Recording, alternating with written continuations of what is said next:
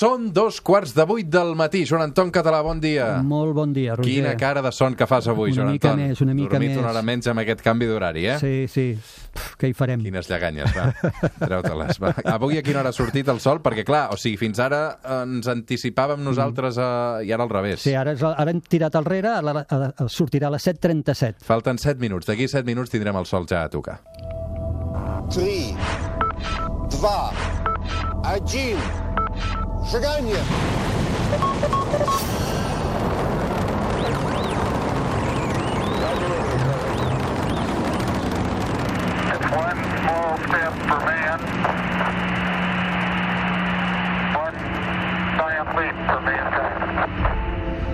Joan Anton Català, tu estàs a favor o estàs en contra del canvi horari? Totalment en contra. Ah, eres dels meus, Sí, d'acord. tu també? Va, vinga, va, uh, fes l'arenga.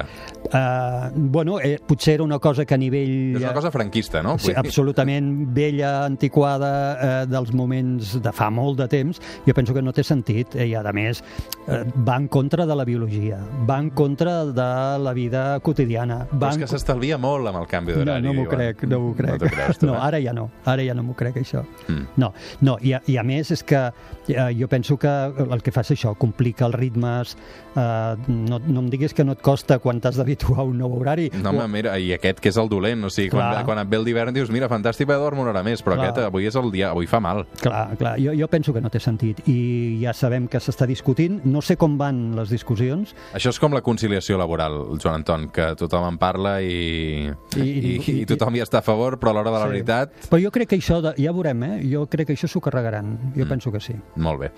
Va, Joan Anton, a banda... no sé si en parles al teu llibre de, del canvi horari. No, això, això no m'he atrevit el a parlar. capítol del canvi horari te'n vas... Bàsicament no, perquè Mira que és que... posat, t'ho posat, t'he Sí, fet el centre per, per colar la falca, aquí. però no... Sí, però eh, fixa't, és que si n'hagués parlat eh, podria haver quedat desactu- desactualitzat el llibre l'any que ve, Mm. si ens ho carreguem. Guia d'observació del cel per nois i noies. Uh, jo ja tinc llibre per Sant Jordi per regalar. Si vosaltres no el sabeu, us el recomano moltíssim perquè val molt la pena. El van presentar fa uns quants dies amb el Joan Anton a Barcelona i, i en fi, està molt i molt bé i és un resum del que fem també al capdavall aquí al suplement els diumenges a l'hora que surt el sol, que serà d'aquí, res, uh, 5 minuts. Va, Joan Anton, titulars del cap de setmana.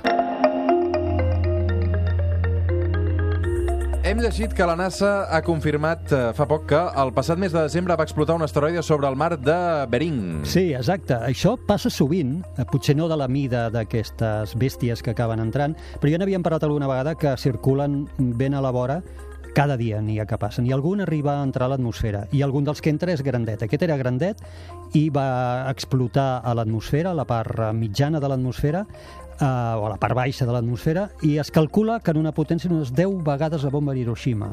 Eh? Imagina't. Això és una, una superexplosió que pràcticament desintegra el cos o el, el, es bicola, el trenca a trossets i que podria, sí, en Com lloc pot del ser bar... que no ens n'adonéssim aleshores? Perquè va entrar al mar de Bering, és a dir, va entrar o va caure sobre el mar de Bering en un lloc no habitat, poc Hi havia un vigilat. pescador allà. Espero que no. Espero que no hi hagués ningú i de fet per això s'ha trigat tant de temps perquè m'imagino que això s'ha descobert eh, mirant imatges i evidentment hi havia informació que es devia haver captat per radar i es deuen haver estudiat per acabar identificant aquest objecte. Molt bé, doncs aquesta és la notícia d'actualitat que ens apropa el Joan Anton Català a l'hora que ja surt el sol. Però, atenció, perquè avui dedicarem un capítol de La Terra es plana a les distàncies. 93 million miles from the sun. People get ready, get ready. 'Cause here it comes, it's a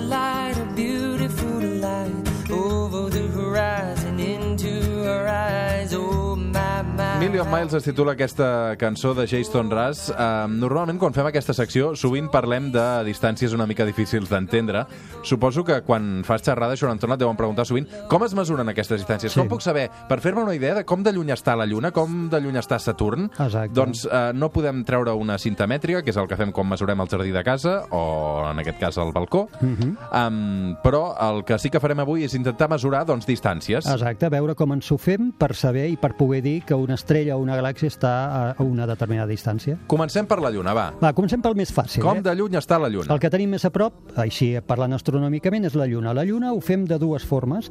Una és enviant senyals de radar, eh, que bàsicament el radar recordem que és llum de ràdio, com la que ara estem emetent nosaltres, llum de ràdio que els nostres ulls no poden veure, que rebota en el cos de la Lluna, amb l'objecte Lluna, i ens torna. Llavors, calculant el que ha trigat aquest rebot en retornar, podem calcular la distància a la Lluna, i no només això, sinó com varia aquesta distància. Aquest és un mètode. I l'altre, que és el meu preferit, uh -huh. eh, són els miralls que el, les missions Apollo van eh, instal·lar a la Lluna. I són uns miralls on hi enviem llum, aquesta sí visible, o llum de làser, que fan el mateix que el làser, eh, que el radar, perdona, reboten en aquests miralls i ens tornen. Així no només calculem la distància Terra-Lluna, sinó que sabem com s'està allunyant la Lluna cada any de la Terra a raó de 3,8 centímetres cada any. Mirall, mirallet, eh? Mirall, mirallet. No els hem posat, òbviament, perquè es mirin els llunàtics, sinó els hem posat, eh, doncs això, per calcular, i és una de les proves de que sí, evidentment, hem anat a la Lluna. Molt bé. Amb quilòmetres, com de lluny està, dius? Mira, és que abans de venir, tot i que vinc mig dormit, ho he calculat. Avui, avui la Lluna està a 405.450 quilòmetres. 5.450... Qua- 405.450 A veure, un moment, un moment, que torna-m'ho a dir. 405.450 quilòmetres. I com varia? Uh, varia bastant, fixa-t'hi. Uh, la distància mitjana de la Lluna són uns 385.000 quilòmetres. 385. Mm. Doncs mira, ara estem a uns 405, doncs ens n'estem anant uns 20 i pico mil quilòmetres més enllà i 20 i pico mil més a prop, doncs això, entre els 360.000, per fer-nos una idea, i els 410.000, aproximadament. Molt bé, hem arrencat amb la Lluna. Sabem que es pot mesurar amb miralls. Anem cap a altres planetes del sistema solar.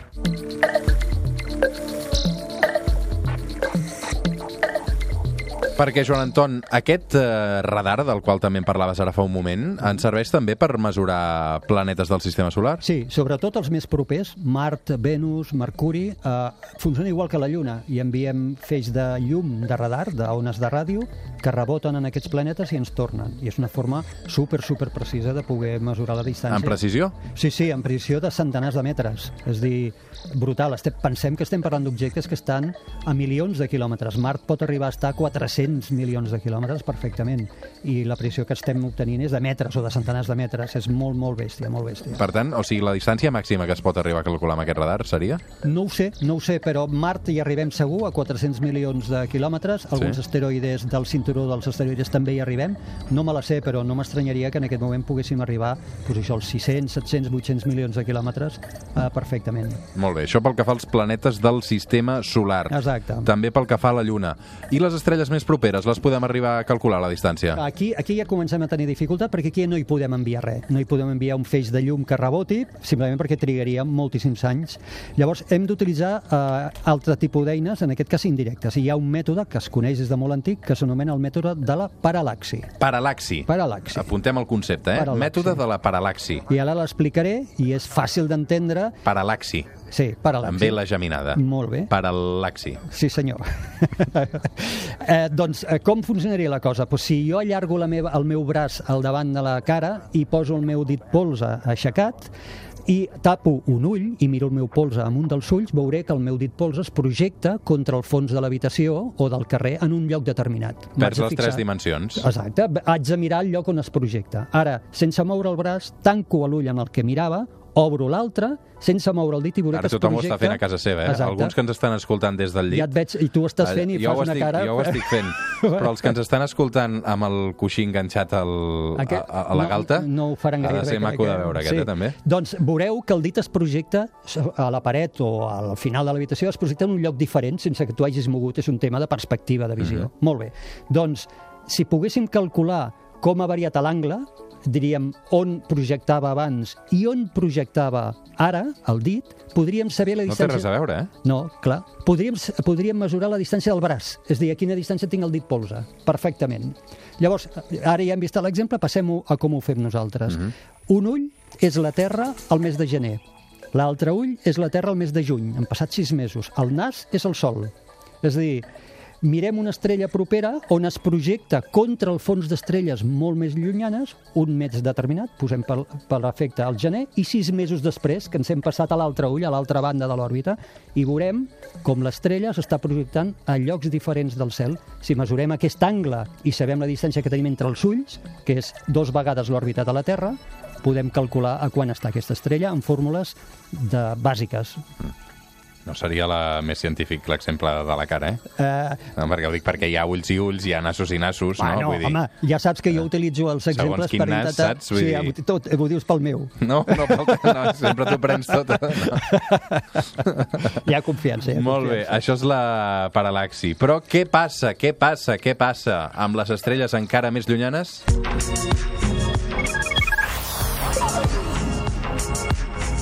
Avui amb el Joan Anton Català estem intentant mesurar les distàncies, distàncies molt llargues. Com Sí. es fa en el món astronòmic per mesurar les distàncies del sistema solar, de la Lluna, de les estrelles? Si les estrelles encara són més lluny d'aquests exemples que posàvem, el mètode de la paral·laxi ens serveix, Joan Anton? Eh, no, el mètode de la paral·laxi eh, té un valor, té, un, té una, un rang de validesa que és d'uns quants milers d'anys llum.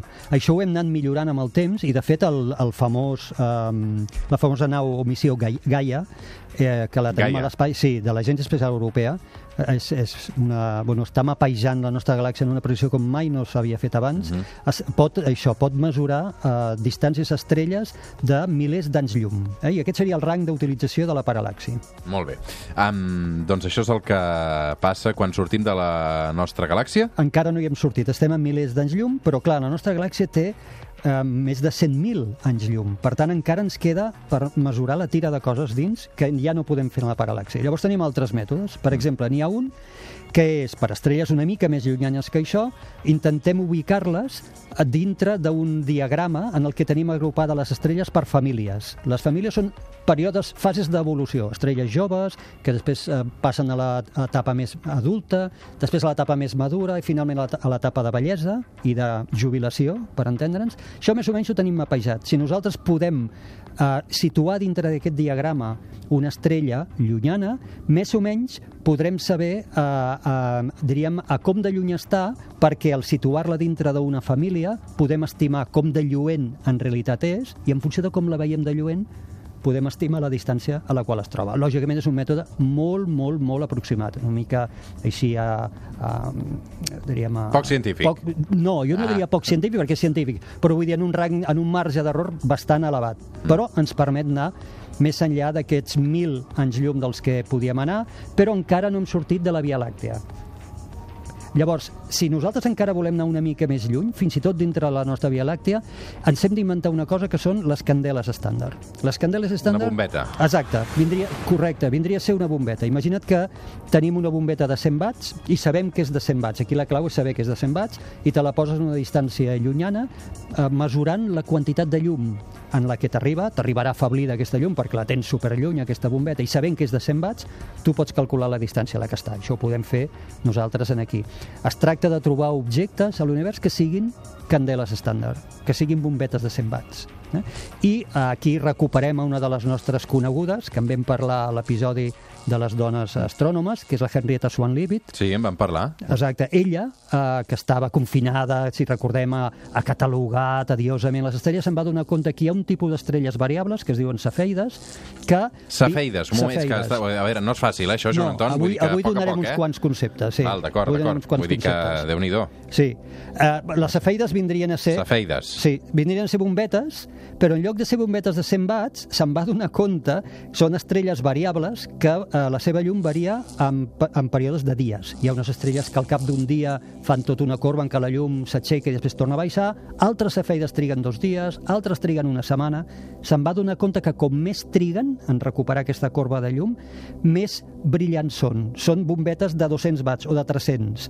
Llavors, la qüestió és que un cop tu saps que aquestes estrelles segueixen aquest patró, si ets capaç de detectar una estrella cefeida a la nostra galàxia o en una altra galàxia, i aquí ja estem sortint de la Via Làctea, només mesurant com de brillant és, i sabent que és una cefeida, podrem estimar la distància a la que es troba ella i tota la galàxia que la, que la, que la té, vaja, que, que la conté. A, a, a quants anys llum podem arribar amb les cefeides? aquí podem arribar a uns quants eh, centenars eh, o desenes de milions d'anys llum. Desenes de milions, Desenes de milions de milions d'anys llum. Realment sorprenent tot això que ens està explicant, eh, Joan És, Anton? és que això és com tenir una bombeta tan lluny, tan lluny, però saps que és o de 100 watts o de 200 perquè triga un dia o dos, el del dia ara... Això ens permet dos. també galàxies, lluny, galàxies llunyanes, per exemple? Sí, sí, sí, sí, sí, sí, sí. De fet, en aquestes distàncies ja podem mesurar distància de galàxies bastant llunyanes. Tot això veurem que no és suficient. S'ha trencat la bombeta. Sí, aquí ja la bombeta ja no ens dona per més i si volem anar a galàxies encara molt més llunyanes, on ja no podem veure cefeides, simplement perquè estan tan lluny que no les veiem, Jo fa estona que m'he perdut, eh? però endavant. Bueno, necessitem un altre, necessitem un altre Sí, candela estàndard. Necessitem una altra bombeta de 100 watts. Molt I aquesta bombeta de 100 watts que es pugui veure des de molt més a lluny són les supernoves. són explosions d'estrelles que van ser com el Sol, s'han tornat velles, li roben matèria a una estrella companya Uau. i aquestes estrelles acaben ex explotant, esmicolades absolutament, en unes explosions que es poden veure com aquesta, que es poden veure des de o com aquesta, que es poden veure des de, des de molt lluny, des de molt lluny. Uh, fins i tot arriben a brillar més que la galàxia que les conté. Aquest tipus d'explosions també són candeles estàndard. Sabem que es produeixen en el mateix moment. Això seria l'exemple de com tenir una bombeta de 25 watts, una de 50, una de 75, però totes elles van creixent i acaben explotant quan tenen, quan tenen 100. Mm Um, Joan Anton, uh, fa 3 minuts que estic perdut. Um, dir, no sé si alguns oients ho estan compartint o no, però hi ha hagut un moment que, que crec que el nivell ha pujat bastant. Vale, No vale. passa res, no Vale. passa res. Vull dir, el, el director d'aquest programa no en sap més, no, no, no hi arriba més. bueno, igual no ho he explicat bé. No, no, no, no, no, no, no, crec que no és problema teu, no, no ets tu, sóc jo, saps? Però anem molt bé, Joan Vale, Anton. molt bé, molt bé. Uh, hem, hem passat ja a altres galàxies llunyanes, Exacte, eh? i això ja estem a galàxies Superat, superllunyanes, ja molt hem llunyanes. calculat la distància, Molt fantàstic. llunyanes, va. Podem arribar encara més lluny o no? Sí, podem arribar encara més lluny quan hi veiem coses. Eh? I això és eh, només eh, la petita llum d'una galàxia molt llunyana en què no hi veiem ni supernoves, mirant a la velocitat a la que sembla allunyar-se de nosaltres. I això funciona de la següent forma. Com que l'expansió de l'univers fa que tot s'allunyi, tenim un mètode que l'utilitzem als nostres carrers, que és el típic de que quan una moto ens passa pel davant, el so de la moto canvia. Sí. Val? I passa de l'agut, quan ve, i se'n va cap al greu, o un cotxe de, de curses quan passa pel davant nostre. Eh, tots el tenim clar? Ah. Doncs això mateix la llum també ho fa. Eh, el color blau de la llum seria l'agut del so, i el color vermell de la llum seria el greu. Per tant, totes les galàxies que s'allunyen de nosaltres, que ho fan pràcticament totes per l'expansió de l'univers, la seva llum està moguda cap al vermell mesurant com de moguda el vermell estan, les podem ubicar amb el temps, amb l'expansió de l'univers i, per tant, estimar la seva distància. Fascinant, eh? Sí, sí. És molt sí, gràfic aquest exemple, per això, Sí. eh? És bastant clar, sí. Eh, És un efecte que... També et dic una cosa, no sé si és gaire precís. No, no, bastant. Sí? Bueno, a veure, clar, és que pensa que aquí estem mesurant eh, milers de milions d'anys llum. Mm. Que ens volem equivocar? De 100 milions d'anys llum? Doncs pues ens equivoquem, no és res. És perquè aquí estem en un rang de milers de milions d'anys llum. Mm. Ens tenim el luxe de poder-nos equivocar. De 100 milions d'anys llum no passa res. Tinc el cervell que està a punt d'explotar-me. Bueno. Um, et sembla bé que, sí, que ho penso que rebaixem sí, una mica? Penso que sí. Va, mirem una mica cap al cel. Joan Anton Català, avui hem calculat distàncies, distàncies de la Terra a la Lluna, Sí. distàncies de la Terra a un planeta del Sistema Solar, distàncies de la Terra a la Superlluna, a una altra galàxia i el més enllà. Per acabar, um, què passarà aquesta setmana si mirem cap al cel? Seguim tenint a Júpiter cada Mhm. cop més brillant, ocupant ja la... Per cert, la distància de la Terra a Júpiter? A veure, sempre intentes enganxar-me. Doncs pues mira, ara ara t'ho diré. Jo crec que en aquest moment deu rondar els 700 milions de quilòmetres. Mm. Sempre té menys. respostes per tot, eh? No, escolta'm, aquesta me l'acabo d'inventar, però si no són 700 seran 650, vull dir, crec que estic bastant a prop. Eh, doncs, eh, Tenim ten- Júpiter brillant. Júpiter brillant, ocupant la segona part de la nit cada cop millor. Recordem que qualsevol persona que tingui uns prismàtics, aquells vells que no saps què fer d'ells, els enfoques a Júpiter i podràs veure les quatre principals llunes de Júpiter i dia a dia veure com es van movent aquests puntets al voltant de Júpiter i canviant la posició. És a dir, podràs fer de Galileu amb els teus prismàtics. Joan Anton Català, moltes, moltes, moltes gràcies. Sempre Moltes ens agrada molt escoltar-te, tot i que a vegades no siguem capaços de processar tot el que expliques, però segur que des de casa... S'ha eh, d'estudiar, s'ha d'estudiar. eh, Aquesta setmana farem els deures. Molt bé. Joan Anton, una abraçada ben forta. Igualment. Ànims amb el canvi d'horari, eh? Això mateix. Fem una pausa i tornem al suplement. Fins ara.